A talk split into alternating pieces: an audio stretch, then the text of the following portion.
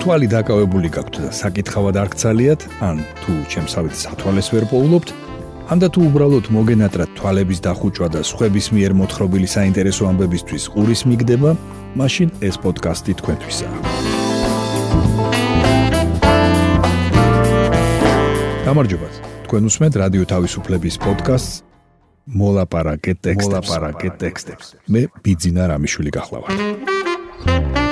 აქ მოქმედი პირები არიან ტექსტები, რომლებსაც რადიო თავისუფლების ვებსაიტზე ვარჩევ თქვენთვის კვირაში ერთხელ და მათ მოსათხრობ ამბებად ვაქცევ ხოლმე.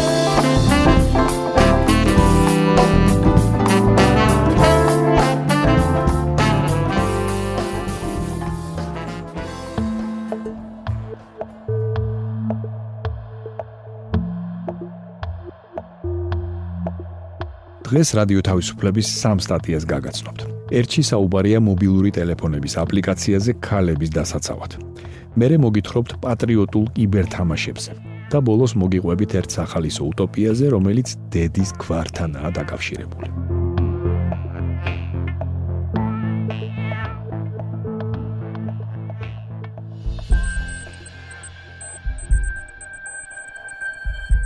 პირველი სტატია, რომლიდანაც მინდა წაგიკითხოთ ნაწყვეტები, არის ანი ბურდულის ტექსტი Save You. აპლიკაცია ქალების დასაცავად. ნათია, სახელი შეცვლილია, მასზე ფიზიკური ძალადობის შემდეგ ქმარს დაშორდა. მეუღლე სახლიდან წავიდა, თუმცა გასაღები ისევ ჰქონდა და ხშირად მიდიოდა ბავშვის სანახავად. როდესაც ალკოჰოლს ან თრობის სხვა საშუალებებს მოიხმარდა, აგრესიული იყო. ნათიაც თავს უსაფრთხოდ ისევ არ გზნობდა, თუმცა არც პოლიციაში უნდოდა დარეკვა. იურისტებთან კონსულტაციის შემდეგ მას ტელეფონის Safe Use აპლიკაციის დაყენება შესთავაზეს. საფრთხის შემთხვევაში მას ტელეფონის ღილაკზე უნდა დაეჭირა თითი. პოლიციისთვის და ქალთა უფლებების დამცველი ორგანიზაციისთვის ეს განგაშის სიგნალი იქნებოდა, რომ ნათიას დახმარება სჭირდება. რამდენიმე დღეში ნათიას მართლაც დასჭირდა შველა. ბაღიდან ბავშვის გამოყვანისას ყოფილმა მეუღლემ დაიჟინა შვილი მე უნდა წავიყვანო. ბავშვი წაყულაზე არ დათანხმდა და ყოფილმა ქმარმა ნათიაზე ფიზიკურად იძალადა. სანამ ტელეფონს წაართმევდა, ნათიამ ღილაკზე თითის დაჭერა მოასწრო. მისი სახელი, გვარი, ტელეფონის ნომერი და ადგილსამყოფელი არასამთავრობო ორგანიზაცია საფარის ტელეფონზე შევიდა და მათ გამოუძახეს პოლიციას.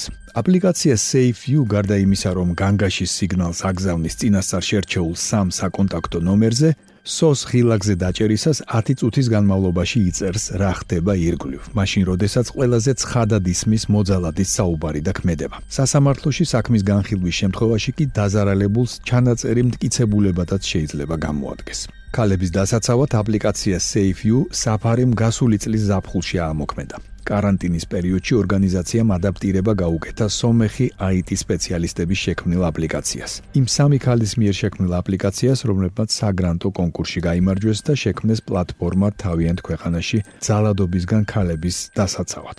თუმცა სანამ ისინი დონორ ორგანიზაციებს იპოვნიდნენ, საფარიმ საქართველოში უკვე აამოქმედა ის. ზაფხულიდან დღემდე დაახლოებით 5000 ადამიანს აქვს ის გადმოწერილი იმისთვის, რომ კრიტიკულ სიტუაციაში დახმარება ითხოვს. ოჯახში ძალადობის სტატისტიკაზე საუბრისას შინაგან საქმეთა სამინისტრომ განაცხადა, რომ წინა წლებთან შედარებით ოჯახში ძალადობის შემთხვევების სტატისტიკა დიდად არ შეცვლილა. თუმცა საფარის დირექტორი ბაია პატარაია ამბობს, რომ სტატისტიკა არ შეცვლილა შინაგან საქმეთა სამინისტროსთვის, თორემ ორგანიზაციისთვის მიმართვები გაორმაგდა. ყველას არ აქვს ნდობა პოლიციის მიმართ.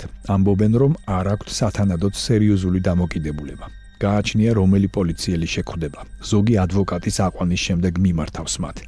მაგალითად, ერთი გოგო каранტინის გამო პოლიციაში დარეკვისგან თავს იკავებდა, რადგან ფიქრობდნენ, შემაკავებელი ორდერის გამოწერის შემდეგ სად წასულიყო ოჯახის წევრი. ძალიან გამწვავდა სოციალური პირობები და ერთად უფრო ადვილად გააქვთ თავი, ვიდრე ცალ-ცალკე და ამიტომ. ამბობს ბაია პატარაია რადიო თავისუფლებასთან საუბარში. განგაშის სიგნალთან ერთად აპლიკაციას მხარდამჭერი ფუნქციაც აქვს. იურისტი, სოციმუშაკი, რეპროდუქტოლოგი და ფსიქოლოგი საგანგებოდ შექმნილ თემატურ ჯგუფებში კონფიდენციალურად დასმულ შეკითხვებს ცემენ პასუხს. საფარის იურისტი ცირაჯ გერენაია იურიდიულ საკითხებზე დასმულ კითხვებს ცემს პასუხს და როგორც ამბობს, ყველაზე ხშირად ქალებს ქმრები შვილების წართმევით ემუქრებიან. ხშირად ეუბნებიან, რომ ბავშვებს ვეღარ ნახავ. რეალურად კი დედისთვის უფლების ჩამორთმევა ძალიან იშვიათად ხდება. თუ კი დედა მავნეზე გავლენას ახდენს ბავშვზე, ჩართული ხავს პროსტიტუციაში, ამათხოვრებს, გამუდმებით ძალადობს, ყველა შემთხვევაში ჯერ დედასთან და ბავშვთან სოციალური მუშაკები, ფსიქოლოგები მუშაობენ. და შემდეგ თუ კი არ გამოსწორდა სიტუაცია, როგორც უკიდურესი ზომა, ისე აშორებენ ბავშვს დედას.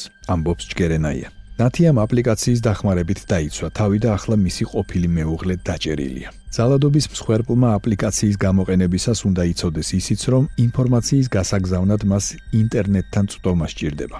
ბილაინის აბონენტებს გამორთული ინტერნეტის პირობებშიც შეუძლიათ სოს შეტყობინების გაგზავნა.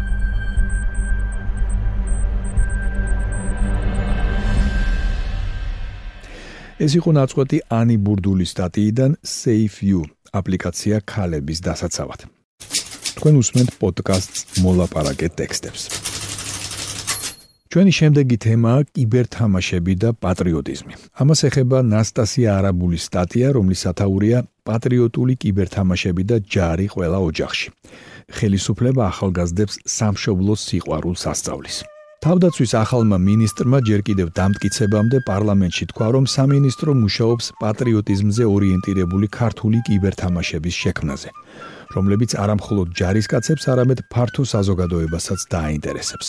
ჯუანშერ ბურჭულაძე არ არის თავდაცვის პირველი მინისტრი, რომელიც თავის ამოცანად თulis ჯარში და არამხოლოდ პატრიოტული სულისკვეთების გაღვივებას. მისმა წინამორბედმა ორგზის პრემიერმა ირაკლი ღარიბაშვილმა ასევე პარლამენტის ტრიბუნიდან განაცხადა, რომ ჯარის პოპულარიზაცია საბავშვო ბაღებიდან არის დასაწყები და ჯარის თემა ყველა ოჯახში უნდა შევიდეს. კიდევ უფრო ადრე პრეზიდენტ მიხეილ სააკაშვილის ბრძანებით ფუნქციონირებდა პატრიოტთა ბანაკები, სადაც ახალგაზრდები ყოველდღიურად ჰიმნით იწყებდნენ. ამ ბანაკების ლიდერების ნაწილი მართლ პარტიასთან იყო აფილირებული. ახალგაზრდებში სამხედრო პატრიოტული სულისკვეთების გაღრმავების საჭიროებას ედუარდ შევარდნაძეც კი ხედავდა 2000 წელს და ახალგაზრდობის საქმეთა სახელმწიფო დეპარტამენტს ერთ-ერთ მიზნად სწორედ ამას უსახავდა.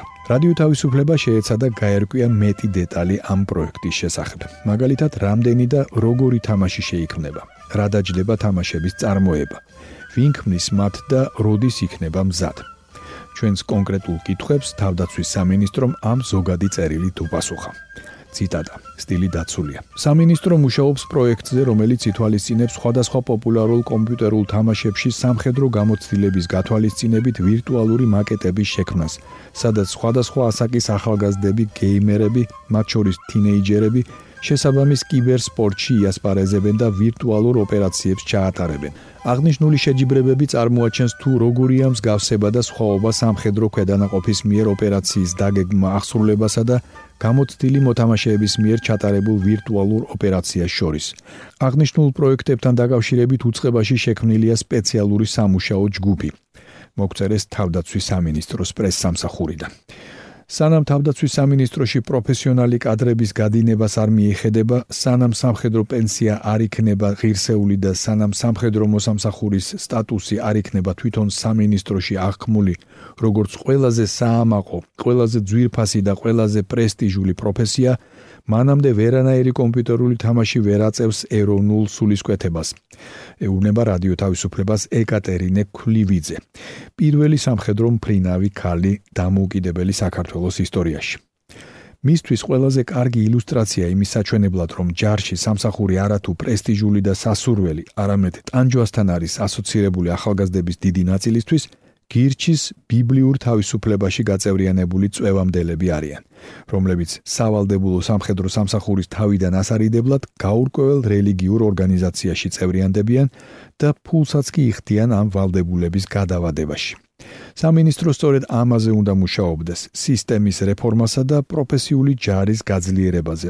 ამ ვითარებაში კიბერთამაშების დაანონსება თავდაცვის მინისტრის მხრიდან დაცინვაა და სხვა არაფერიო. ამბობს ეკა. დღეს შეცვლილი გეოპოლიტიკის პირობებში ქვეყანა ყველაფერს უნდა აკეთებდეს იმისთვის, რომ ნატოს გაფართოების ტალღაში მოხვეს საქართველოს და ამ დროს ჩვენ რას ვაკეთებთ? თურმე თამაშს პატრიოტიზმზე. ამბობს რევაზ აფხაზავა, განათლების მკვლევარი, რომელიც ეროვნული სულისკვეთების ამაღლებისა და პატრიოტიზმის სწავლების ინიციატივების პასუხად გვახსენებს, რომ ამ საკითხებს ისედაც მოიცავს და ფარავს როგორც ეროვნული სასწავლო გეგმა, ისე ზოგადი განათლების ეროვნული მიზნები.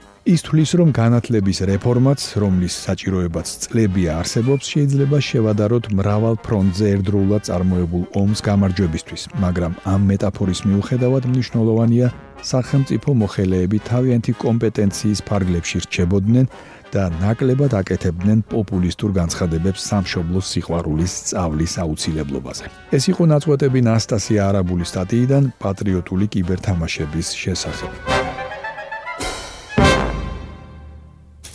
თქვენ უსმენთ პოდკასტს მოლაპარაკე ტექსტებს. შემდეგი ტექსტი, რომელიც მთლიანად მინდა გაგაცნოთ, ასევე თამაშს ეხება, ოღონდ არა პირდაპირი გაგებით. ესაა იდეების თამაში ერთგვარი უტოპია. დედის გვარი. ასე ეწოდება თეატოფურია სტატიას, რომელშიც საუბარია იმაზე, თუ რა მოხდებოდა დედის და არა მამის გვარი რომ გქონოდა. ჩვენ ვერასოდეს მიხვდებით რა დგას ჭრდილში, სანამ ის რაც ჭრდილში დგას სინათლეზე არ გამოვა, წერს თეატოფურია. ერთი სურეალისტური დღე წარმოვიდგინოთ. სტუდენტი ხარ, დილით იღვიძებ, დგები და ვარაზის ხევის გავლით ვახვახიშვილის სახელობის სახელმწიფო უნივერსიტეტისკენ მიემართები. ან ილია ბებურიშვილის უნივერსიტეტისკენ. ყოველ შემთხვევაში ერთი გზა გაქვს გასავლელი. ორივე ბებურიშვილის ქუჩაზეა. ერთი დასაწყისში, მეორე სადღაც მზიურთან, სადაც ბავშვები ბამბის ნაყინს ჭამენ. შესასვლელში დარგული ხეკი ერთ-ერთი პირველი აყვავდება ხოლმე თბილისში. სანამ ყველა საბოლოო დაბნეულა სიურეალიზმი ცოტა ხნით გადავდოთ. რისი თქმა მინდოდა? კანონით ადამიანს შეუძლია დედის გვარიც ისევე ატაროს, როგორც მამის. თუმცა ტრადიციულად ჩვილს მაინც ყველა მამის გვარზე წერს. დედები ჭრდილში რჩებიან. ზოგადად მგონია რომ კაცობრიობა მატრიარქატისკენ მიდის. რატო მგონია და რამდენად სწორია ეს სხვა თემა, მაგრამ შორეულ მომავალში მართლაც რომ მივიღოთ ისეთი საზოგადოება, სადაც ქალს თუნდაც ისე დააფასებენ, როგორც ახლა კაცს აფასებენ, მათ ვინც царსულში დარჩა, მაინც არაფერი ეშველებათ. დრო ამ ადამიანებს წლების განმავლობაში გულმოდგინედ ივიწყებდა სახელის, გვარის, ჩუმის შრომისა და იმ ნიჭის ჩათვლით, რომელიც შვილებს მათი გენებითაც გადაეცათ. შვილები მომავალში დიდი საზოგადო მოღვაწეები, რა თქმა უნდა, ყველანი მამის გვარზე იყვნენ და ისტორიაშიც ამ გვარებით დარჩნენ. წმინდა თეორიული თვალსაზრისით მომავალში მოგზაურობა უფრო რეალურია ვიდრე წარსულში. ბოლოს და ბოლოს გაგყინავენ და 50 წლის მერე გაგაღვიძებენ. მაგრამ როგორ გინდა იქ აღმოჩნდეს, სადაც ეკატერინე აბაშიძე ჯერ კიდევ ცოცხალია და 1000 გვარი ეშმაკობით ცდილობს თავის გაცელქებულ და გაზარმაცებულ შვილს წერა-კითხვა ასწავლოს. ეკატერინე აკაკის დედა იყო. და რომ არა ზემოხსენებული ტრადიცია, წერეთლის გამზირის ადგილას დღეს აბაშიძის გამზირი გვექნებოდა. ხოლო აბაშიძის ქუჩის ნაცვლად მოდებაძის ქუჩა. და განა მარტო ეს, მარჯანიშვილის ნაცვლად ჭავჭავაძის თეატრში ვივლიდით, სადაც დავით ღოღობერიძის სამანიშვილის დედინაცვალს დადგამდნენ. ბავშვები პირველ კლასში კალმახელიძის დედა ენას ისწავლიდნენ. უახლესი ისტორიიდან კი შეიტყობდნენ, როგორ წავიდა ნოე ჩიქოვანის მთავრობა ემიგრაციაში. ნიკოლოზ ორბელიანის წერილებსაც წაიკითხავდნენ ბიძის გრიგოლ ბაგრატიონისადმი მიწერილს. შევიტყვეთ, რომ თურმე ფრანციულს სწავლობ. ერთმა ქალმა შემოგითვალა, სპარსულად ნათქვამიაო, 30 წელს უკან რომ კაცი ჩონგურს ისწავლის, საიქიოს დაუკრავსო. და ასე შემდეგ და ასე შემდეგ.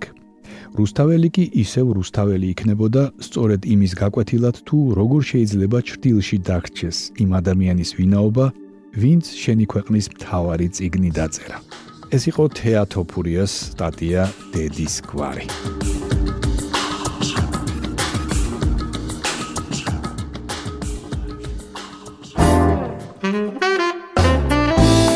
თქვენ მოისმინეთ რადიო თავისუფლების პოდკასტი მოლაპარაკე ტექსტები. მე კვირაში ერთხელ ვარჩევ რადიო თავისუფლების ვებსაიტზე გამოქვეყნებულ ტექსტებს და მათ მოსათხრობამდე ვაქცევ ხოლმე. ჩვენი პოდკასტი შეგიძლიათ გამოიწეროთ, ჩამოტვირთოთ ან მოისმინოთ პირდაპირ რადიო თავისუფლების ვებსაიტზე. მისი მისამართია რადიო თავისუფლება.ge.